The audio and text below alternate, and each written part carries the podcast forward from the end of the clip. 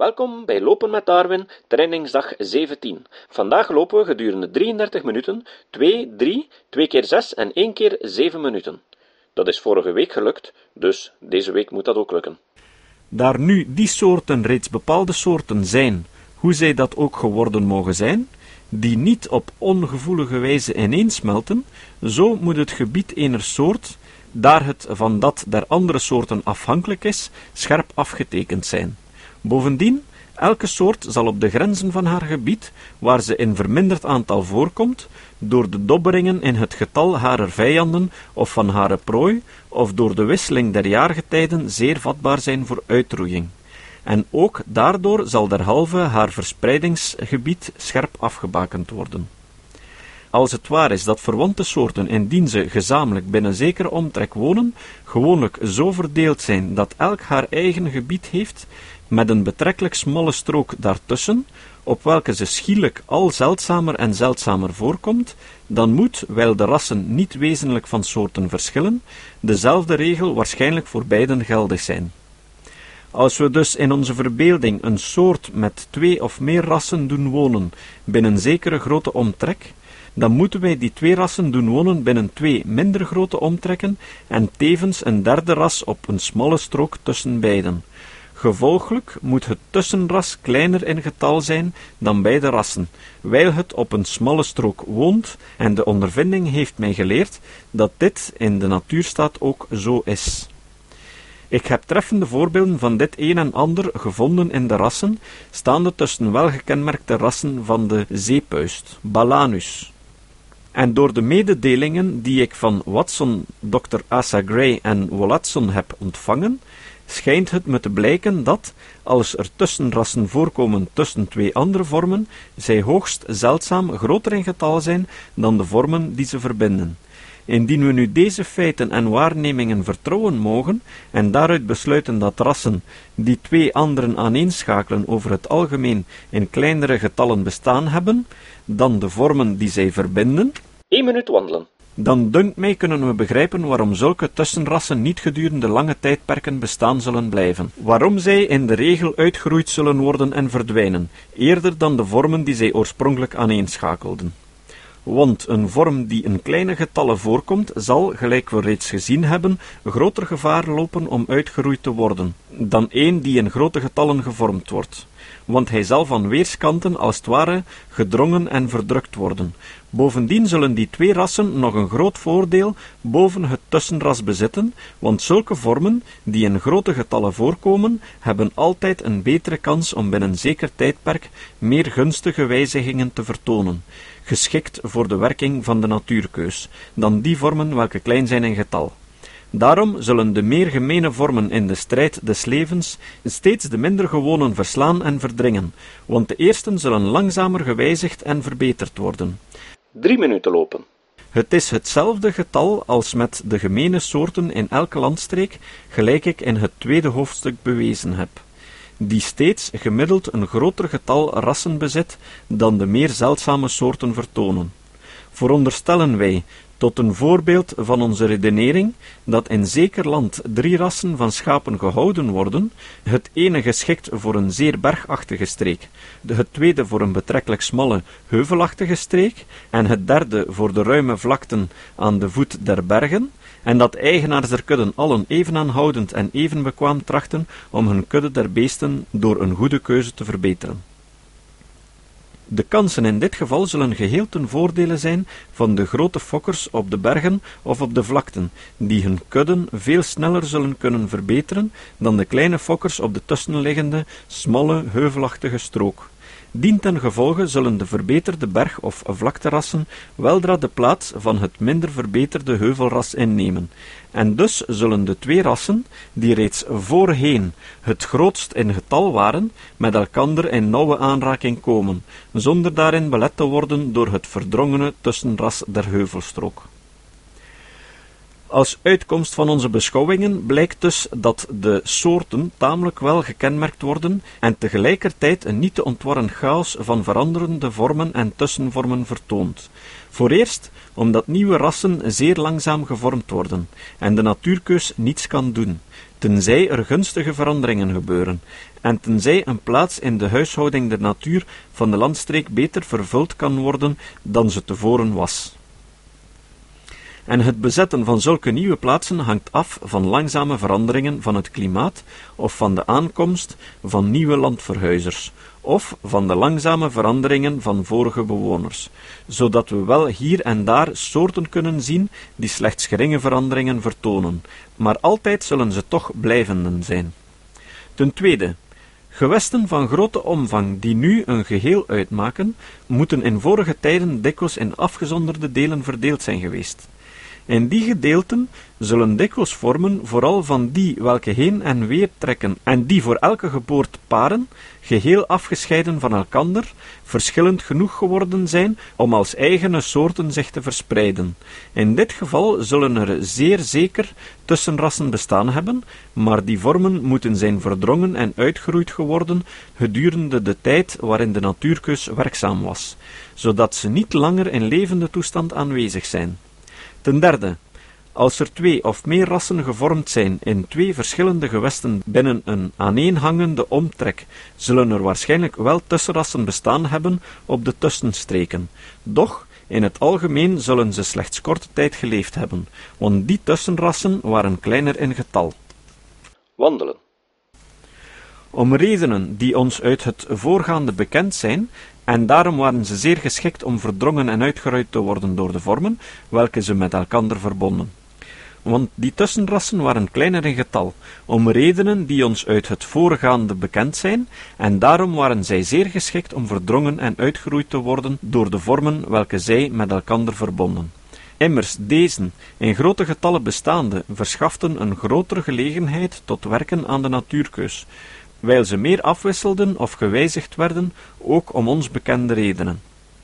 Eindelijk niet het ene of het andere tijdperk alleen, maar alle tijdvakken tezamen beschouwende, moeten er, als mijn redenering goed is, talloze tussenrassen bestaan hebben, die alle soorten in een groep nauw met elkander verbonden. Doch, de natuurkus streeft altijd, gelijk we reeds dikwijls opgemerkt hebben, om de stamvormen en de tussenvormen te vernietigen. Daarom kan het bewijs van het eenmaal bestaan hebben dier vormen slechts geleverd worden door de fossiele overblijfselen die bewaard zijn gebleven, zoals we in een volgend hoofdstuk hopen te bewijzen, in een bij uitstek onvolkomen toestand en uit tijdvakken door lange tussenpozen gescheiden, waaruit geen overblijfselen bewaard of tenminste gevonden zijn over de oorsprong en de overgangen van bewerktuigde wezens die bijzondere gewoonten en bijzondere lichaamsinrichtingen bezitten. Er is door de bestrijders van mijn leer gevraagd geworden hoe bijvoorbeeld een op het land wonend en vleesetend dier in een waterdier kan veranderd zijn geworden. Want hoe kon het dier in zijn overgangstoestand bestaande blijven? Zes minuten lopen. Het is gemakkelijk te bewijzen dat er in dezelfde groep vleesetende dieren bestaan, die in hun gewoonten alle trappen bezetten tussen volkomen waterdieren en volkomen landdieren. En waar elk dier de strijd voor het bestaan moet voeren, zo blijkt daaruit dat elk door zijn gewoonte wel geschikt is voor de plaats die hij in de natuur vervult. Zie de Mustela-viezen van Noord-Amerika, die poten heeft met zwemvliezen tussen de tenen, die een huid, korte benen en een staart heeft als die van een otter. In de zomer duikt dat dier onder water en jaagt en vangt vis, maar gedurende de lange winter verlaat hij de bevrozen wateren en jaagt gelijk andere marters op muizen en dergelijke landdieren. Als men een ander geval uitgekozen had en men gevraagd had hoe een insectenetend viervoetig dier bij mogelijkheid veranderd is kunnen worden in een vleermuis, zou het antwoord voorzeker veel moeilijker zijn geweest. Ja, voorheen zou ik zelfs dat niet hebben kunnen geven. Tegenwoordig denk ik dat zulke moeilijkheden al van even weinig belang zijn. Hier, zowel als bij andere gelegenheden, doet het mij leed dat ik de lange lijst van vele treffende gevallen die ik bijeen verzameld heb, niet kan meedelen. Ik moet mij hier bepalen tot een paar voorbeelden van overgangen in de gewoonten en in de lichaamsinrichtingen bij nauw verbondene soorten van hetzelfde geslacht, en van veranderende gewoonten, het zij dat ze blijvend zijn of zich slechts bij gelegenheid veranderen bij dezelfde soort. En echter komt het mij voor dat er niets minder dan een lange lijst van zulke gevallen nodig is om de bezwaren op te lossen in zulke bijzonder geval als dat van de vleermuis. Beschouwen we de eekhoornfamilie. Hier vinden we de onmerkbaarste trapsgewijze overgang van een diertje welks staart slechts een weinig plat is, en van een ander door Richardson waargenomen, welks achterste gedeelte van het lichaam geheel verbreed is en het welk de huid der zijden zo uitgespannen heeft, dat ze de voorste met de achterste ledematen als het ware verbindt tot de zogenoemde vliegende eekhoorn. En vliegende eekhoorns hebben hun ledematen en zelfs hun wortel van de staart met elkander verenigd door een brede uiteengespannen huid, die als een valscherm dient en hen in staat stelt om een zeer grote afstand al zwevend in de lucht van boom tot boom af te leggen. We kunnen niet twijfelen of de inrichting is nuttig voor elke soort van eekhoorn in zijn eigen gewest, door hem in staat te stellen aan roofvogels of roofdieren te ontkomen, of om schielijk dan anders zijn voedsel te vergaren, of, wat de meeste schijn van waarheid heeft, om het gevaar van een toevallig naar beneden vallen te verminderen. Doch, hoe waar dit ook zij, daarom volgt er niet uit dat de inrichting van elk eekhoorntje de beste mogelijke is onder alle mogelijke natuurlijke bedingen. Nee, laat het klimaat of de plantengroei veranderen, laten alle mededingende knaagdieren, laten nieuwe roofdieren in het gewest aankomen, laten ouden veranderd worden, en de analogie zal ons voorspellen en doen geloven dat er van de minst bevoorrechte eekhoorns zijn zullen, die in getal verminderd en uitgeroeid zullen worden als zij niet ook tevens gewijzigd en verbeterd worden in lichaamsinrichting in een mate beantwoordende aan de veranderende levensomstandigheden. Daarom zie ik niet de minste zwarigheid om, vooral als de levensvoorwaarden veranderen, te geloven dat door de aanhoudende bewaring van individuen met al meer en meer verbrede huid aan de zijden, wijl elke wijziging ten voordele was van de ophopende werking de natuurkeus zich uitbreidde, er een volmaakte zogenaamde vliegende eekhoorn werd voortgebracht. Zie nu de vliegende maki, Galeopithecus, die voorheen ten onrechte bij de vleermuizen werd gerangschikt, dit dier heeft een buitengewone verbrede huidplooi, die van de hoeken der onderkaak loopt tot de voorpoten, van de voorpoten tot de achterpoten en van deze tot de staart, en welke niet slechts die ledematen, maar zelfs de verlangde vingers insluiten. Ook is die huidplooi van een uittrekspier voorzien, Ofschoon er tegenwoordig geen tussenvormen zijn die de Galeopithecus verbindt met vorige lemuriden, zie ik echter niet de minste zwarigheid om te veronderstellen dat er vroeger zulke schakels bestaan hebben, en dat elk gevormd is op dezelfde weg als die waarop de minst zwevende eekhoorns tot de vliegende eekhoorns zijn geworden. Ook geloof ik dat elke graad van wijziging nuttig was voor de bezitter. Ook zie ik geen onoverkomelijke zwarigheid in het geloof dat de huid die de vingers en de voorarmen van de vliegende maki verenigt, door de natuurkeus zeer verlengd en verbreed is geworden, en dit, in zoverre het namelijk de werktuigen om te vliegen betreft, verandert het dier volkomen in een vleermuis. Volgorde. Bij de vleermuizen in het bezit van een vlies dat van de schoudertop loopt tot de staart en de achterpoten insluit, zien we misschien niets dan een toestel oorspronkelijk eerder ingericht om, gelijk de vliegende eekhoorn en de vliegende maki, door de lucht te zweven dan om te vliegen. Nog dertig seconden. Indien er een dozijn geslachten van vogels uitgestorven of onbekend geworden waren, wie zou dan gewacht hebben te beweren dat er vogels bestaan hadden die hun vleugels slechts konden gebruiken om te fladderen, gelijk de kortvleugelige eend van Zuid-Amerika, Anas microptera van Eiton, of vogels die hun vleugels slechts konden gebruiken als vinnen in het water en als voorpoten op het land, gelijk de vetgans of de pinguïn, Aptenodites, of als zeilen gelijk de struisvogel, of eindelijk tot geen doel hoegenaamd, gelijk de kiwi, Apteryx. Twee minuten wandelen. Echter is de inrichting der lichaams van elk dier vogels goed voor hen, onder de levensvoorwaarden waaraan ze blootgesteld zijn, want elk moet leven onder strijd, maar het is niet noodzakelijk dat die lichaamsinrichtingen juist de best mogelijke is van alle mogelijke toestanden. Uit deze opmerkingen moet men evenwel niet afleiden dat die graden van vleugelinrichtingen waarop wij hier zinspelen, en die misschien alleen een gevolg zijn van het onbruik, de natuurlijke weg aanwijzen waarop de vogels hun volkomene bekwaamheid tot vliegen verkregen hebben. Ze dienen slechts om aan te tonen welke verschillende toestanden van overgang er kunnen bestaan en mogelijk zijn. We zien dat er enige leden van in het water ademende klassen schaaldieren, crustacea, en weekdieren, mollusca, zijn die in staat zijn om op het land te leven. We weten dat er vogels zijn die vliegen, zoogdieren die vliegen, insecten van allerlei vormen die vliegen. We weten dat er voorheen ook vliegende reptielen waren. Dit alles bedenkende is het volkomen te begrijpen dat de vliegende vissen, die nu ver door de lucht zweven terwijl ze langzaam reizen en zwenken met behulp van hun vinnen, hadden kunnen gewijzigd worden tot volkomen vliegende dieren. Als dat gebeurd was, wie zou dan ooit geloofd hebben dat ze eens in een vroegere overgangstoestand bewoners van de wijde oceaan geweest waren, en dat zij hun wordende werktuigen om te vliegen eens nergens anders voor gebruikt hadden dan om te ontkomen aan roofvissen? We zijn al halfweg deze training. Wanneer we een zeer volkomen inrichting zien, voor een bijzondere gewoonte of levenswijze geschikt, zoals de vleugels van de vogel om te vliegen, dan moeten we in acht nemen dat zulke dieren, die vroegere overgangstoestanden ter inrichting vertoonden, zelden tot de huidige dag bestaan blijven, want ze zullen verdrongen zijn geworden door de volmaking van andere wezens ten gevolge van de natuurkeus. Verder mogen wij aannemen dat overgangstoestanden tussen inrichtingen, voor zeer verschillende gewoonten geschikt, zelden in een zeer vroeg tijdperk veelvuldig onder de vele vormen tot ontwikkeling gekomen zijn. Goed zo. Dat doen we nog eens. Zes minuten lopen. Start!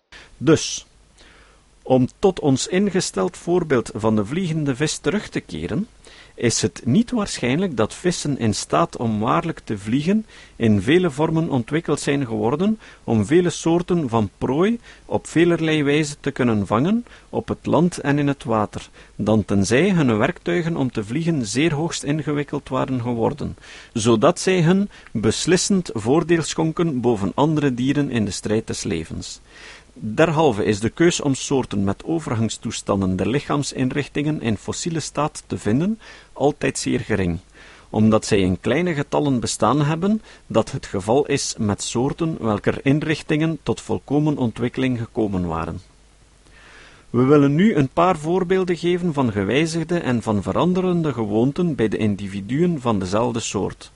Als er iets dergelijks gebeurt, zal het voor de natuurkeus gemakkelijk zijn het dier geschikt te maken voor de een of andere wijziging van zijn lichaamsinrichting, voor zijn veranderende gewoonten, ofwel voor een kleine bijzondere gewoonte.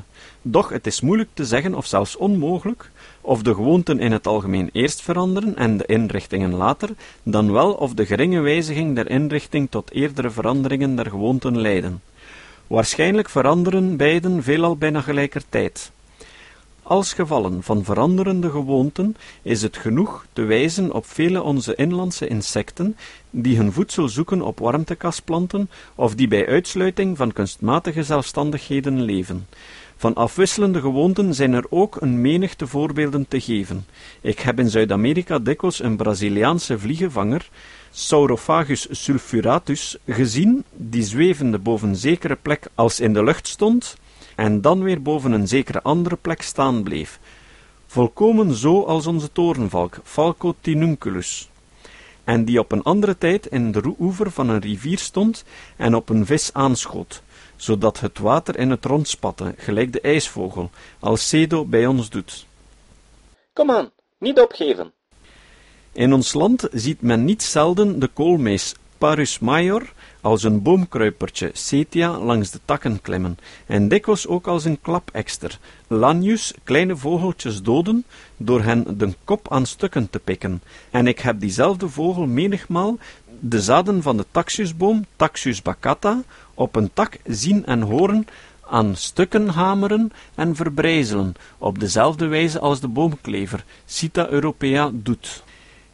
In Noord-Amerika is door Hearne gezien dat een zwarte beer uren aaneen met wijd geopende muil rondzwom en op die wijze bijna als een walvis waterinsecten ving.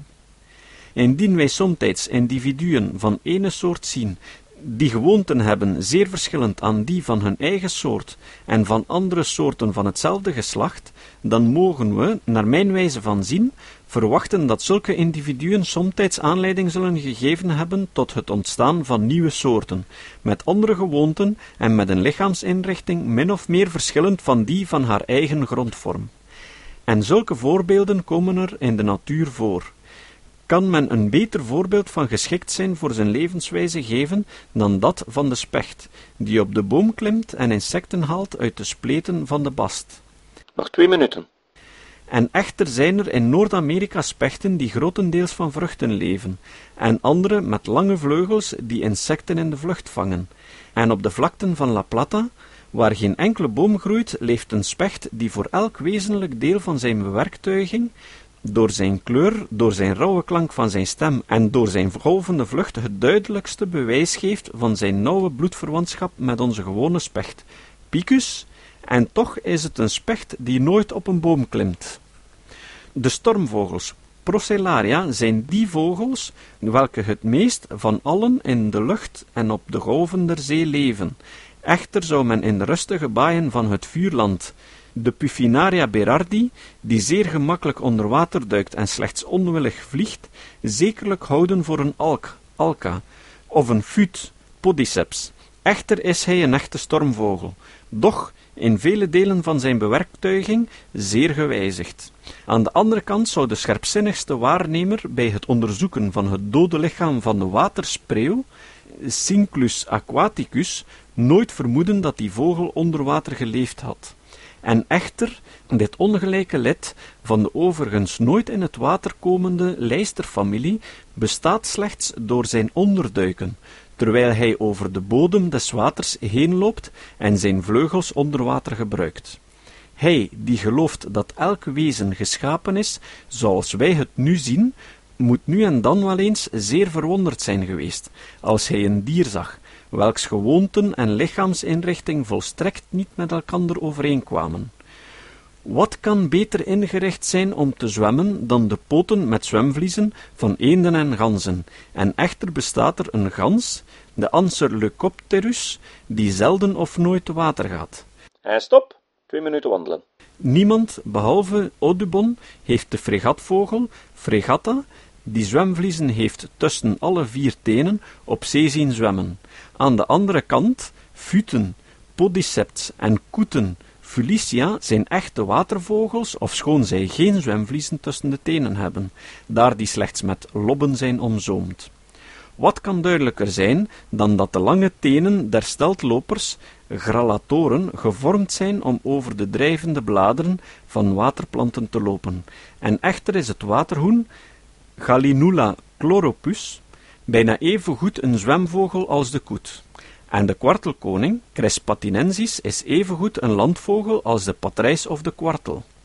In zulke gevallen, en die zijn er veel, zijn de gewoonten veranderd zonder dat de lichaamsinrichting in gelijke mate veranderd is. Van de poot met zwemvliezen der bovengenoemde gans kan men zeggen dat hij wel in verrichting, maar niet in inrichting teruggegaan is. Het korte vlies tussen de tenen van de fregatvogel bewijst dat de inrichting begonnen is te veranderen. Hij die gelooft in afzonderlijke en ontelbare scheppingen, zal zeggen dat het in deze gevallen aan de schepper heeft behaagd te maken dat een wezen van zekere vorm de plaats innam van een ander, van een andere vorm. Doch zoiets schijnt mij toe niets anders te zijn dan dezelfde zaak met andere woorden te zeggen. Hij die aan een strijd voor het bestaan en aan de natuurkeus gelooft, zal antwoorden dat elk bewerktuigd wezen onophoudelijk tracht toe te nemen in getal, en als een wezen slechts een weinig verandert, het zij in gewoonte, het zij in lichaamsinrichting, en dus enigszins bevoorrecht wordt boven een ander schepsel van hetzelfde gewest, dat het dan terstond de plaats van het andere zal innemen, hoe verschillend die ook van zijn eigen plaats mogen zijn. En nu zeven minuten lopen.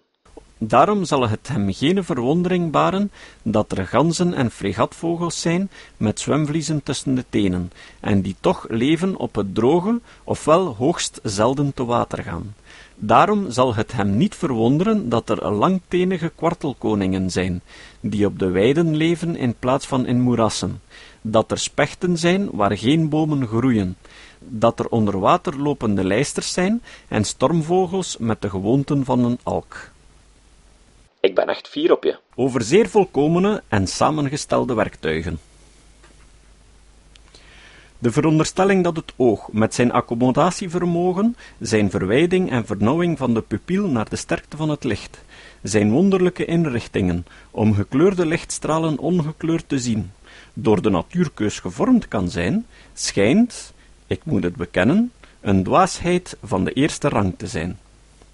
En echter de rede leert mij, ten eerste, dat het bewezen kan worden dat er talrijke trappen bestaan, van een volmaakt en samengesteld oog tot een zeer onvolmaakt en eenvoudig. Al die trappen ten nutte zijnde van de bezitters. Ten tweede, dat als het oog verandert, hoe gering het ook mogen zijn, tevens die veranderingen ongetwijfeld erfelijk zijn. En ten derde, dat als een wijziging of een verandering in een werktuig nuttig is voor een dier onder veranderende levensvoorwaarden, dan ook het bezwaar om te geloven dat een volkomen en samengesteld oog door de natuurkeus gevormd kan worden, ofschoon wij het ons niet kunnen verbeelden, toch volstrekt niet een wezenlijk bezwaar is. Hoe een zenuw gevoelig wordt voor het licht, raakt ons weinig meer dan hoe het leven zelf het eerst is ontstaan.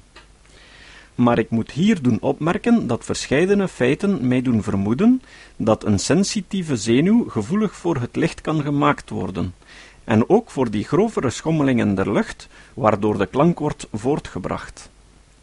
Als wij de trappen willen leren kennen, langs welke een werktuig bij een soort volkomen geworden is, moeten we bij uitsluiting van de rechtstreekse voorouders zien, doch, dit is nauwelijks ooit mogelijk, en in elk geval zijn wij genoodzaakt naar de soorten van dezelfde groep te zien, dat is tot de medeafstamming van dezelfde stamvorm, om te zien welke trappen mogelijk waren, en om te weten of er kans bestaat dat sommige trappen overgebracht zijn van de eerste stamouders in een onveranderde of weinig veranderende toestand. Onder de bestaande gewervelde dieren vinden we slechts een gering onderscheid in de inrichting van het oog. En van fossiele soorten kunnen we in dit opzicht niets leren. Bij die grootste klassen van dieren moeten we waarschijnlijk tot ver beneden de oudste fossielvoerende lagen afdalen om de vroegere trappen waarop het oog gestaan heeft te leren kennen. Bij de geleden dieren kunnen we beginnen met een gezichtszenuw slechts met pigment bedekt en zonder enige andere inrichting. Van die lage trap ontspringen vele min of meer volkomen inrichtingen in twee verschillende richtingen, totdat wij een vrij hoge trap van volmaking vinden. Zo is er bij zekere schaaldieren, crustaceën, een dubbel hoornvlies, het binnenste in vakken verdeeld, waarin zich in elk vakje een lensvormige opzwelling bevindt. Bij andere schaaldieren zijn de doorschijnende kegels, die door pigmenten zijn bedekt, en die eigenlijk niets doen dan de zijdelingse invallende straalbundels afweren, bol van boven en moeten derhalve de lichtstralen in één punt verzamelen. Van onderen schijnen ze uit een volkomen glasachtige zelfstandigheid te bestaan.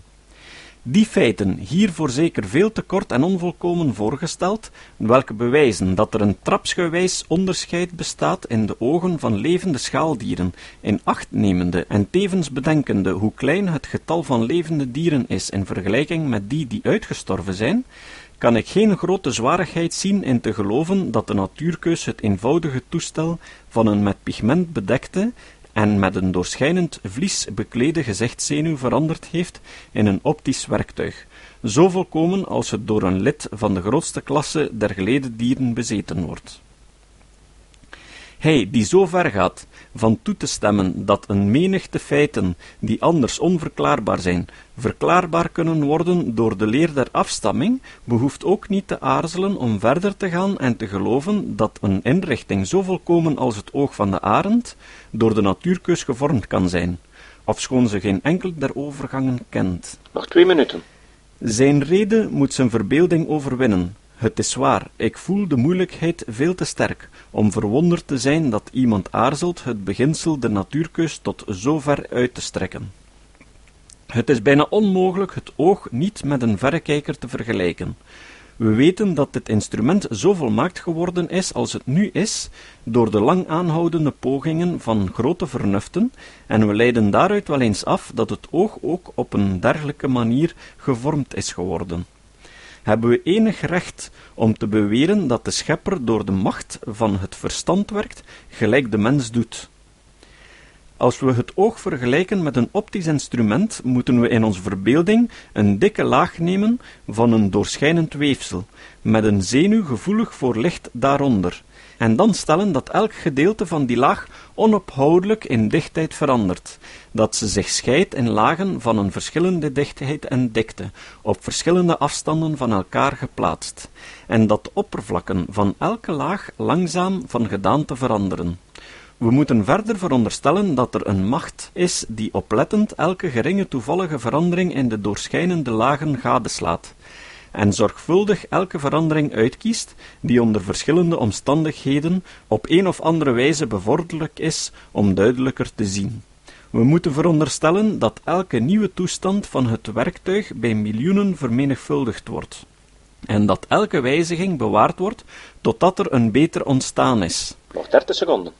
Dan eerst worden de oude vernietigd. In levende lichamen zal de veranderlijkheid wijzigingen veroorzaken, de voortteling zal die bijna in het oneindig vermenigvuldigen, en de natuurkeus zal met een bekwaamheid die niet kan falen, elke verbetering uitkiezen. Laat dat zo miljoenen en miljoenen jaren volhouden, en gedurende elk jaar bij miljoenen individuen, en zouden we dan niet mogen geloven dat er een levend optisch instrument op die wijze gevormd kan zijn, zoveel volmaakter dan een van glas, als de werken des scheppers volmaakter zijn dan die van de mens? Proficiat, nog twee minuten wandelen en het is alweer afgelopen voor vandaag. Indien het bewezen kon worden dat er een samengesteld werktuig bestond, dat bij geen mogelijkheid door talloze opvolgende kleine wijzigingen gevormd kan zijn, zou mijn leer teniet gaan. Doch het is mij niet mogelijk zulk een geval te vinden. Er is geen twijfel aan of er bestaan veel werktuigen waarvan we de overgangstoestanden niet kennen, vooral niet als we die zoeken bij zeer afgezonderde soorten, rondom welke, volgens mijn gevoelen, de uitsterving het grootst is geweest. En verder, als we een werktuig zoeken gemeen aan alle leden van een grote klasse, want in dit geval moet het werktuig gevormd geweest zijn in een zeer lang verleden tijdperk, sedert het welk alle leden der klasse ontwikkeld zijn, ten einde de vroegere omstandigheden te leren kennen, dan moeten we tot zeer oude vormen gaan en, die zijn sedert lang allen uitgestorven. We moeten zeer voorzichtig zijn in het zeggen dat een werktuig niet door het ondergaan van langzame wijzigingen gevormd kan zijn. Er zijn een talloze menigte gevallen bekend van één en hetzelfde werktuig bij de lagere dieren, dat tezelfde tijde verschillende verrichtingen uitoefent. Zo dient het darmkanaal bij de larve van een schorpioenvlieg, Panorpa, en bij de donderaal, Cobitis fossilis, voor de spijsvertering, de ademhaling en de uitscheiding. De zoetwaterpoliep, Hydra, kan het buitenste binnengekeerd worden, en dan zal de buitenste oppervlakte de spijzen verteren en de maag zal ademhalen. In zulke gevallen zal het de natuurkeus gemakkelijk vallen, als er namelijk iets bij te winnen is, om een deel of een werktuig het welk twee werkzaamheden uitoefende, voor één enkele verrichting te bestemmen en dus zijn aard volkomen te veranderen. Morgen weer rustig en maak je niet ongerust, overmorgen ongeveer hetzelfde schema.